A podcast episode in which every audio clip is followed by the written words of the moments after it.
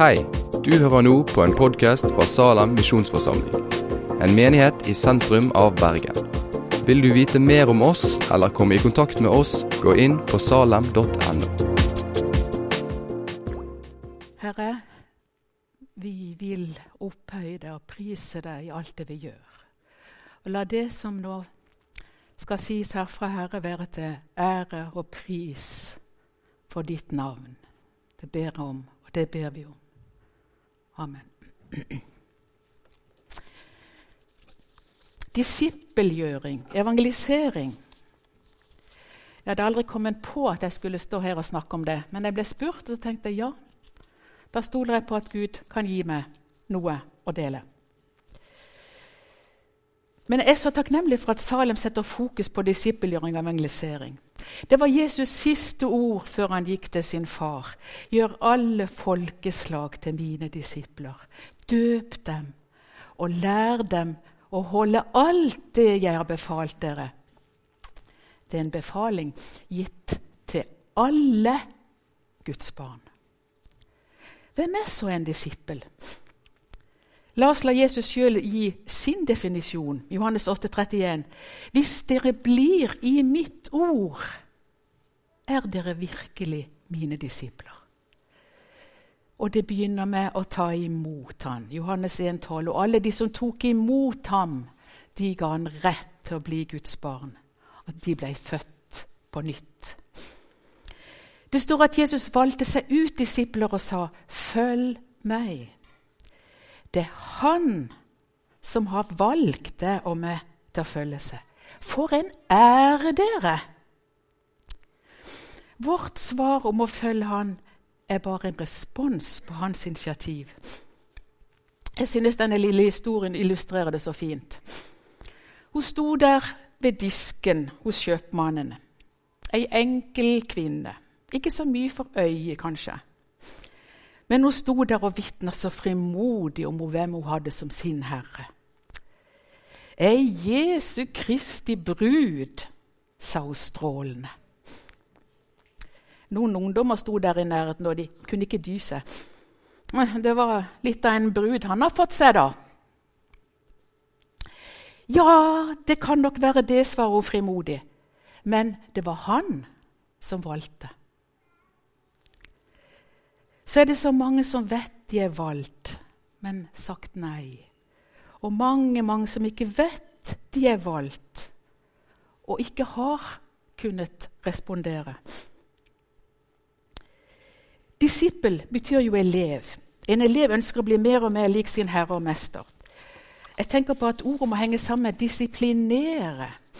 En disippel velger vekk noe og styrker andre ting. Hun og han har et mål, et overlys over sine valg i hverdagen. Leve til sin Herres ære. En disippel må innta sin stilling i Jesus Kristus for på best mulig måte å være den disippel Jesus valgte, og dermed på best mulig måte å være med og disippelgjøre og vinne andre. Hva mener jeg med det? Vi må vite hvem vi er. Vår nye identitet. Vi er jo født på nytt. Andre kor 517. Den som er i Kristus, er en ny skapning. Det gamle er borte. Se, alt er blitt nytt. Men alt er av Gud, Han som ved Kristus forsonte oss med seg selv og gav oss forsoningens tjeneste. Alt er blitt nytt i en disippel. En ny natur som er hellig og fullkommen. Det vil si en fullkommen forstand, en fullkommen vilje, et fullkomment følelsesliv. Et nytt menneske.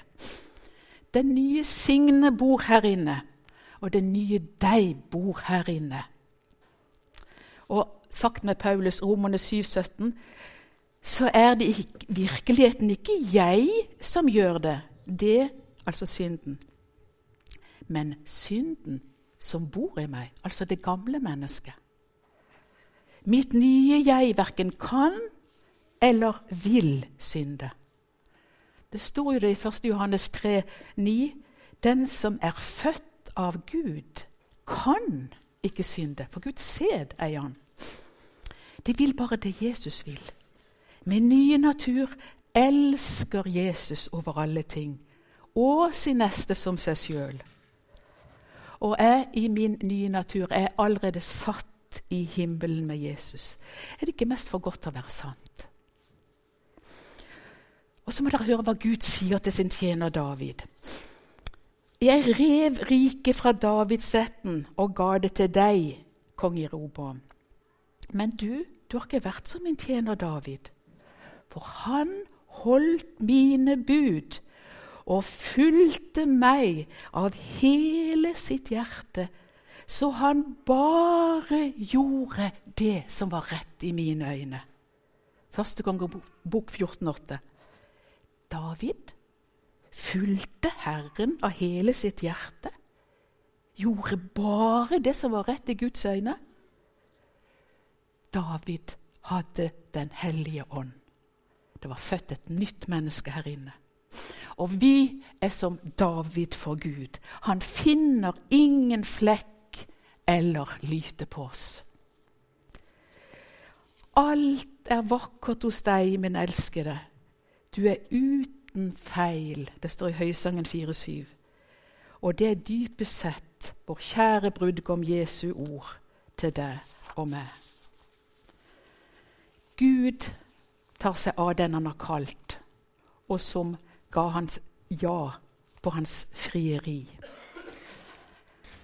Født er født et nytt liv i oss som Gud ikke kan glede seg nok over. Og samtidig har Gud tatt et evig oppgjør med vår gamle natur. Den tok han og korsfesta sammen med Jesus der på korset.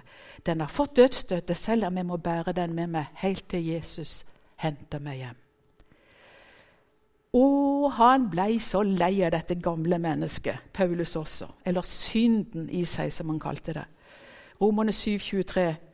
Mitt indre menneske, altså det nye mennesket, sier med glede ja til Guds lov, men jeg merker en annen lov i mine lemmer. Den kjemper mot loven i mitt sinn og tar meg til fange under syndens lov som virker i lemmene. Jeg er elendig menneske. Hvem skal fri meg fra dette dødens legeme? Hvem skal fri meg fra min gamle natur? Gud være takk ved Jesus Kristus, vår Herre. Så tjener jeg det altså Guds lov med mitt sinn, men syndens lov, sånn som er naturen. Fordi en disippel også har en gammel natur som hater Gud, som aldri verken kan eller vil omvende seg eller forbedre seg, så trenger vi den daglige fotvasken av Jesus. Den daglige synstilgivelse. Der tyner, ydmyker, korsfester vi vår gamle natur. Smusset som er kommet på våre føtter i løpet av dagen, spør han om han kan få lov å vaske vekk, sånn som han gjorde med disiplene. Og så løper vi videre, lett som en hind. Det er Den hellige ånd som minner oss om synd, så vi skal ikke drive og grave og lete etter den. For vi vet jo at hele tida så siver det jo synd ut for vår gamle natur. Likevel understreker Gud igjen og igjen i sitt ord at vårt fokus det skal være på vår nye identitet. Samtidig som vi erkjenner at vi daglig trenger hans tilgivelse for vår gamle natur. For Gud vet at så lenge vi går her på jord, så kan vi aldri ha en fullkommen, ren tanke i oss med disse to naturene som hele tida går ut fra min munn og i tankene, i alt. Men når Gud ser på oss, så ser han på vårt nye jeg. Bare minner dere om Paulus og David. Og I dette ligger vår daglige frihet og glede i vandring med Herren. Han har tatt et evig oppgjør med mitt gamle jeg. Det er han ferdig med. Jeg kan ikke få understreke nok dette her. En disippel må innta sin stilling i Jesus Kristus. Vi er Jesus Kristus, det er ikke det det er snakk om. Men innta sin stilling i Jesus Kristus. Utvalgt, hellig, Elska. brud. Det står ikke i Bibelen at vi er kalt frelste syndere. Syndere ble vi kalt før vi tok imot Jesus. Men når vi er blitt frelst, så står vi hellig innenfor den levende Gud. Og Gud sier til sine barn, til sine disipler gjennom lignelsen med den bortkomne sønn, alt mitt er ditt. Og det gjør disippelen frimodig og sterk og utholdende. Og dette hvem vi er, vår identitet, trenger vi igjen og igjen å gjenta for oss sjøl som en bekjennelse. Og ikke snakke verken oss eller andre ned. Dette gir sunn sjølrespekt og rett gudsfrykt. Og dette trenger vi daglig å gjøre. Når ærefrykten for Gud øker, reduserer parallelt frykten for mennesker. Menneskefryktene kommer jo fra det gamle mennesket. Det er en egen verdighet over sånne mennesker som har inntatt sin stilling i Jesus. En Jesu brud. Hun tillater, tillater seg ikke hva som helst. En disippel vil alltid sjøl være i lære hos sin store mester og herre og la seg disippelgjøre. Selv Jesus lærte lydighet av det han led. Men en disippel vil samtidig påvirke andre til å bli enda mer trofaste og gudhengivne disipler. Når jeg sier dette, så må jeg tenke på en mann, 39 år, min svigerdatters fetter. Han vokste opp ikke så veldig langt her fra Bergen. Alltid vært en kristen, aktiv som kristen, eldst i en stor søskenflokk. Han ble begravd ved juletider. Bare noen uker før fikk han rede på at han hadde fått en hissig, uhelbredelig kreft. Et par uker før han døde, skriver han på Facebook han kunne ikke lenger snakke, at dette handler ikke om meg. Det, det, det, som, det, det handler om, det er at Gud må bli æra. Det er det som betyr noe. Noen få dager før han døde, skrev han på Facebook igjen. Det var veldig lite som kom på Facebook disse, denne tida, naturlig nok. Så skrev han bønna mi disse dagene er Jesus, kobl meg på dine tanker. Slik tenker en disippel. Vi er ikke bare disipler av og til, men i all vår ferd. Det har med vår karakter å gjøre. En disippels inderlige bønn vil derfor alltid bli 'Bevar mitt hjerte, Gud', fremfor alt som bevares. For livet går ut ifra det. Jeg tenkte å være litt personlig i dag, ikke bare snakke litt i generelle vendinger om disippelgjøring og evangelisering. Helt fra jeg var ung, så har jeg tenkt på meg sjøl sånn Hvis jeg sovner åndelig sett, så vil de Gud har satt meg til vekter for, også sovne. Og jeg har alltid tenkt at det må forventes mer av meg som har fått den nåde å vokse opp i et kristent hjem, alltid vært en kristen, enn de som blitt det seinere i livet. Når Gud har spandert så mye på meg, og til og med en grepa kar til mann Du kan godt reise deg, Nils. Jeg føler jeg skylder Gud så mye. Jeg vokste opp med en far som var predikant i nærmere 60 år for Misjonssambandet. Hans forkynnelse var preget av en lys tro med forventning til at Jesu gjenkomst på skyen kunne skje når som helst. Og med forkynnelse og med nød for de ufrelste som lå der i forkynnelsen og bivra. Min mor var mye ute og sang på møter sammen med søstera si. De begynte faktisk å synge på bedehuset i heimbygda si i Telemark, 25 år gamle. Og jeg har alltid vært så takknemlig for mine foreldres prioriteringer og liv. Det er derfor alltid ligget meg i hjertet at folk må bli frelst. Inviter meg på møter, sa min far oppmuntrende. Og dette har nok virka til at jeg stadig opplevde at det var så viktig å invitere andre med på barnelaget og møter. Og jeg begynte etter hvert, som mange her i salen sikkert har gjort, som søndagsskolelærer, leder i bibelklassen, leder i ungdomsgruppe. Starta et lite klassekor av egne elever som sang på gamlehjem, osv. Min far som reiste landet rundt og forkynte Guds ord, nevnte flere ganger sin nød for Nord-Norge. Det var så få kristne der. Tenk om jeg kunne utdanne meg som lærer og reise dit. Han sådde frø. Det var ikke noe sånn 'dette skal du gjøre', men han sådde frø på en mild og god måte som fikk spire både hos min lillebror og meg. Og Som nokså nok ferske lærere dro vi nordover. Han som nygift, også kona lærer. Nord-Norge for Jesus, det sang i våre hjerter. Vi valgte å jobbe på hver vår skole med ca. tre mils avstand for å nå flest mulig i hver vår krets. Hva gjør vi? Evangelisere, disippelgjøre. Jeg glemmer aldri hvordan kateketen der ei prosti inviterte oss hjem til seg. Hang et kart på veggen og pekte på stedene der det var liten kristen virksomhet.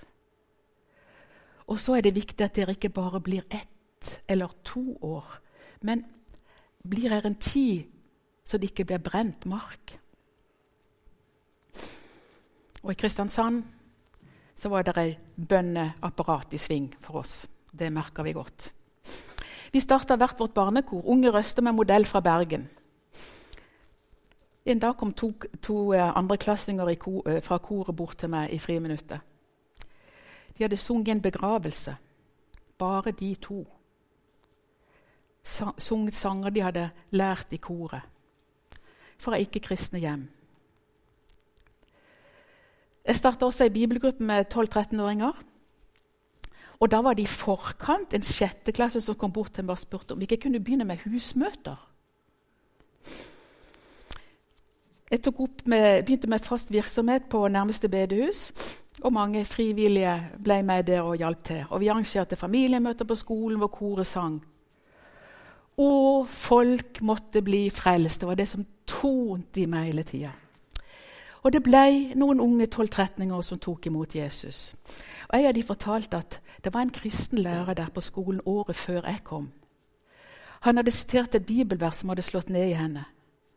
Den som ikke er med meg, er imot meg. Så fikk Gud videreføre det han hadde begynt. Og disse unge er blitt bevart og funnet seg kristne ektefeller. Som nyfrelste holdt de snart sine første vitnesbyrd på møter hvor koret sang. og Jeg opplevde det så viktig at de tidlig fikk vitne om sin tro, og sjøl dermed få enda mer bruk for Jesus. Og så var det så underlig å legge merke til. De, de oppdro hverandre. Når de var sammen, så satte de kryss på hverandre hver gang en av dem bannet. Og så leste de Bibelen og ba sammen. Og en av dem starta et eget barnelag. Dette var noe de fant på sjøl. For min del opplevde jeg å stå og se på hva Gud gjorde i unge mennesker. Jeg merka det så klart. Dette var aleine Guds verk. Vi gikk ut på løftene. Så gjorde Gud det. Han hadde lovt. Vi brukte det Gud hadde rusta oss ut med. Vi skal bruke det vi har fått det vi har i huset. Andre det de har fått. Gud spør nemlig, som profeten Elisha spurte den fattige enken, hva har du i huset? En liten krukke med salveolje. Samle sammen så mange tomme krukker du kan få tak i, og tøm olje dem, var profetens ordre. Og oljen rant og rant og rant. Jeg gir liv i overflod, sier Jesus. Innta landet, fikk Josva høre, og den ordren er også gitt til oss. Og la oss begynne det små. Det du setter foten på, vil jeg gi deg, sa Gud til Josva og sier til oss. Jeg er så sulten på å se flere frelst. Og det sikkert, sitter vi sikkert her i alle i salen og, og kjenner på. Og hva er ikke Gud, da? Jesus sa da han hang på korset, 'Jeg tørster'. Han tørsta etter sjeler. Mange har i senere år opplevd at Gud har minnet dem på, en, stor innhøstning nå like før Jesus kommer igjen og henter sin brud. Også over Norge. For tegnene, og ikke minst det som skjer i Israel, med israelsfolket, det er, viser at tida for bortrykkelsen nærmer seg med hast. For noen måneder siden så vitna jeg på et bønnemøte i Kristiansand om sin opplevelse da hun var på Hawaii. Der møtte hun folk fra hele verden. Ei fra Asia sa til henne du er fra Norge, og så er du her når det skal skje så store ting i landet ditt. Andre fra ulike deler av verden fortalte henne at Norge var lagt på deres hjerte å be for. Hva har du i huset, du Herrens disippel? Ettersom enhver av dere har fått en nådegave, minst, så tjener hverandre. Med den, står det i 1. Peter 4,10. Her er ingen unntak. Gud sier ikke 'du skal få nådegave, du skal få Men ikke du. Enhver av dere har fått. Alle Guds barn. Vil du vite din eller dine? Spør han. Eller gjør det bare du kjenner Gud minner deg om. Så vil han styrke deg der du står i den tjenesten han har satt deg. Jeg er ofte syk, kan du sitte og tenke. Kjenner på kroppslig svakhet. Og så er jeg nok utgått på dato i Herrens vingård. Mm, det er så feil som det måtte bli. Enda i deres alderdom skal dere skyte friske skudd, sier Gud til oss i sitt ord. Det skjer med disippelen som lar seg forvandle. Jeg kan ikke forandre, men som lar seg forvandle ved fornyelsen av sitt sinn. Romerne 12,2. En disippel er alltid i bevegelse, kan aldri slå seg til ro og bli åndelig satt. Og det er så viktig her med den daglige omvendelse for vekst. Jeg må si at De siste månedene har, blitt, er det blitt sånn for meg Gud har minnet meg om dette, at jeg skal begynne dagen med, fors, med forsakelsen. Og da er det som jeg kjenner at når jeg forsaker djevelen og alle hans gjerninger og alt hans vesen, så har jeg snudd ryggen til min verste fiende. Jeg vil ikke ha noe med han å gjøre. Og så sier jeg fram eh, de, eh, resten av, av trosbekjennelsen. Det er så godt å starte dagen med det. Et bevisst valg. Der det ikke er vekst, er det tilbakegang åndelig sett. Det er ingen status quo i Guds rike. Mandag 22. januar i dette året så skrev Marit Hårklaug Odnanes, daglig leder for Indremisjonsskipnaden, et stykke i dagen som het 'Ut til alle folk'. Og Under tittelen var 'Har bedehusfolket lagt misjonsbefalingen på is'? Kommer flere til tro på Jesus? Er vi blitt for innadvendte? Vi møtes i våre fellesskap, blir inspirert og går hjem. Vi møtes i våre fellesskap, blir inspirert og går hjem. Jeg kunne si det en del ganger til, tror jeg. Er det sånn? Ingenting skjer.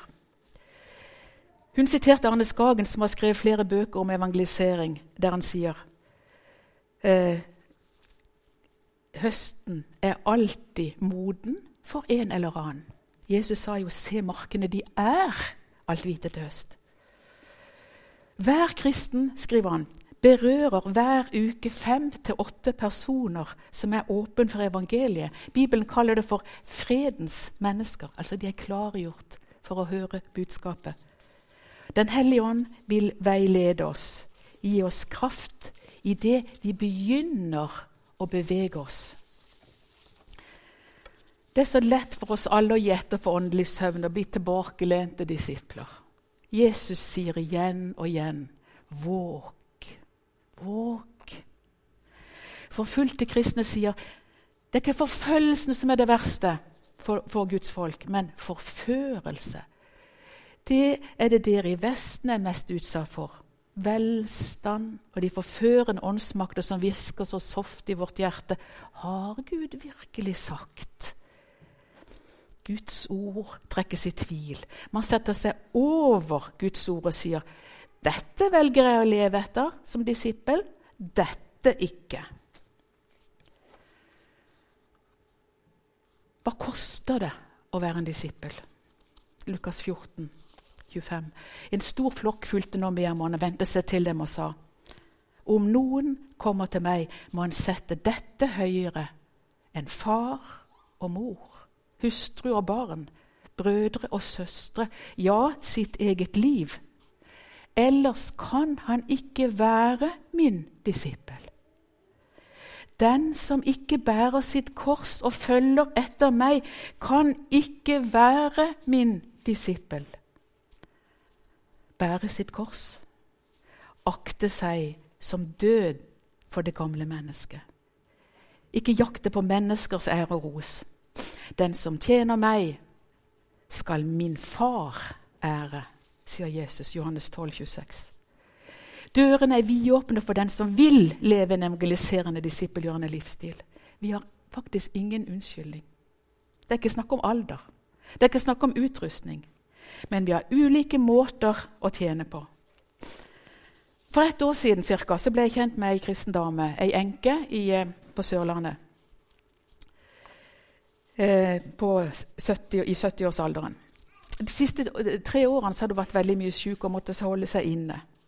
Men hun håver mennesker inn i Guds rike. Og gjør det fremdeles. Hvordan? Det er disse telefonselgerne. Særlig, men andre òg. Det ringte ekstra mange den tida hun var syk. Hun lytter til budskapet deres og sier, 'Jeg kommer nok ikke til å kjøpe noe av dere. Jeg, jeg har det jeg trenger.' 'Men kjenner du Jesus?' De ble helt satt ut kommer helt ut av hele formelen sin. Nei, vil du bli kjent med han og ta imot han i hjertet ditt? Ja. Og så ber hun frelsesbønn med dem. En ung mann svarte, men kan jeg bli en kristen? Jeg er jo homofil. Jesus elsker deg, svarte hun. Men hvis du vil velge å ta imot Jesus og følge han, kan du ikke leve ut din homofile legning. Det ble litt stille i telefonen. Så kom det. Da velger jeg Jesus. Jeg fikk nylig en SMS fra henne. Da hadde hun en telefonselger på 24 år og en muslimsk taxisjåfør nettopp tatt imot Jesus. Om jeg ville be for dem. Jeg er ikke noe bønnemenneske, sier hun. Hun mente nok det å ha lange lister på mennesker og saker man ber for. Jo, det er du, protesterte. Og la til. Men, men jeg, snakker med, jeg, snakker med, han hele dagen. Ja. Hun kjente hun bare måtte det. Lær dem veien het en serie hjelpebøker Misjonssambandet ga ut for støtte til barneforeningsleder for en del år siden. Hvor viktig er ikke det kristne hjemmet her? Og Jeg håper det at ikke det blir så mange aktiviteter for barna. Det er så lett for de blir så engasjert i mange veldig gode ting, men sånn at det går utover daglig bønn og bibellesing sammen. Som mor så opplevde jeg det veldig viktig at vi hver dag leste sammen fra Barnebibelen. Og jeg skal si til dere unge foreldre barneårene de går så fort. Det er nå dere har de tett inntil dere. Vips, så er de ute av reiret.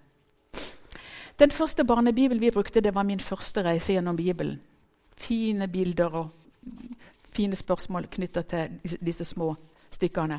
Og seinere bibelbøkene til Anne Døvri kan virkelig anbefales, med gode skildringer. Vi brukte bibelleseplan for barn og tenåringer. Så hadde vi barnelag hjemme hos oss i ti år. Døper dem og lærer dem å holde. Jeg oppmuntrer mine til å være med i kristent arbeid, dra på leirer, sjøl være leirleder osv. Men jeg vet at jeg sjøl, vi som foreldre, er den viktigste rollemodellen i heimen. Det er her troen virkelig blir satt på prøve. Liv og lære. Det må gå sammen. Og jeg måtte nok mer enn én en gang be om tilgivelse. Hvorfor var jeg ikke enda mer tålmodig, enda mer lyttende? Vi er forbilder, på godt og vondt, hvor vi enn er. Vi er ikke usynlige for våre omgivelser. Jeg har så lyst til å oppmuntre deg, du som ikke tror det er plass til det, at ikke det er bruk for det. Gud hadde planen ferdig for deg og meg før vi ble født. Før du var i mors liv, så er det. Spør han når han vil svare det. Kanskje gjennom andre mennesker, hva slags plan han har for deg. Ikke bare nødvendigvis et ord direkte fra Bibelen. By deres lemmer fram som rettferdighetens våpen for Gud, står det i Romerne 6,13. Og sangen er så fin, som sier 'Kjærlighet oppfinnsom gjør'. Gud vil åpne deg en dør. Jeg meg med en glad vil glede. Med en sorgfull vil jeg grete.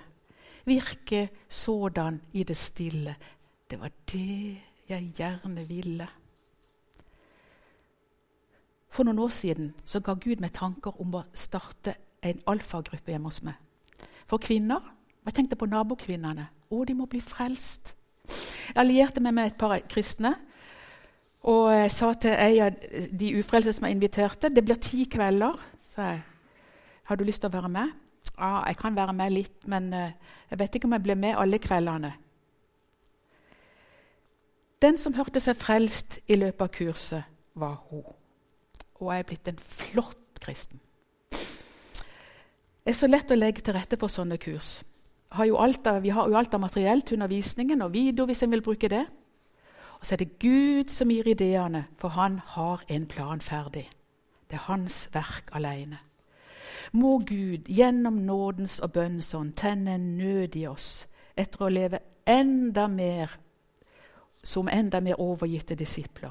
Må han få frie hender til å utruste oss, så Gud lar sine tegn og under følge kjølvannet av vår tjeneste. Og sånn er vi med og fremsyner Hans komme. Det står det vi er med og fremsynet hans komme, for han kommer snart. Og det haster med å få grøden i hus. Bortryggelsen kan skje før dette møtet er slutt.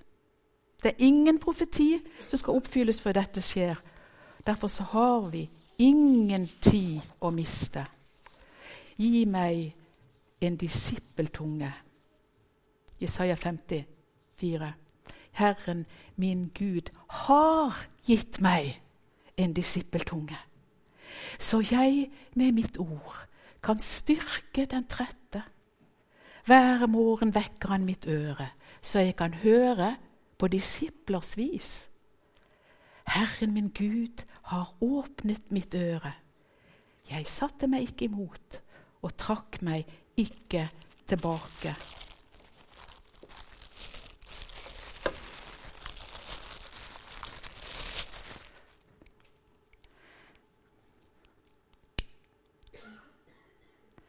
Gud har tent oss som sitt lys i verden. Vi er verdens lys. Og vi synger i barnesangen 'Dette lille lyset mitt, det skal skinne klart'. Langt der ute i hedningland skal det skinne klart. Helt til Jesus henter meg, skal det skinne klart. Blås det derfor ikke ut det skal skinne klart. Skal vi reise oss, dere, og synge den sangen med disse versene som vi har lært fra vi var små, med et, et bønn i våre hjerter. Herre Gud, du ser oss nå. Du ser det lyset du har tent i oss. Gode Gud, må du stadig få friere hender til å gjøre enda mer av det du lengter å gjøre i våre liv. Du kommer snart. Det er så mange som skal høstes inn. Og du har satt oss, du har satt oss som lys i verden. Tusen takk. Vi priser ditt navn.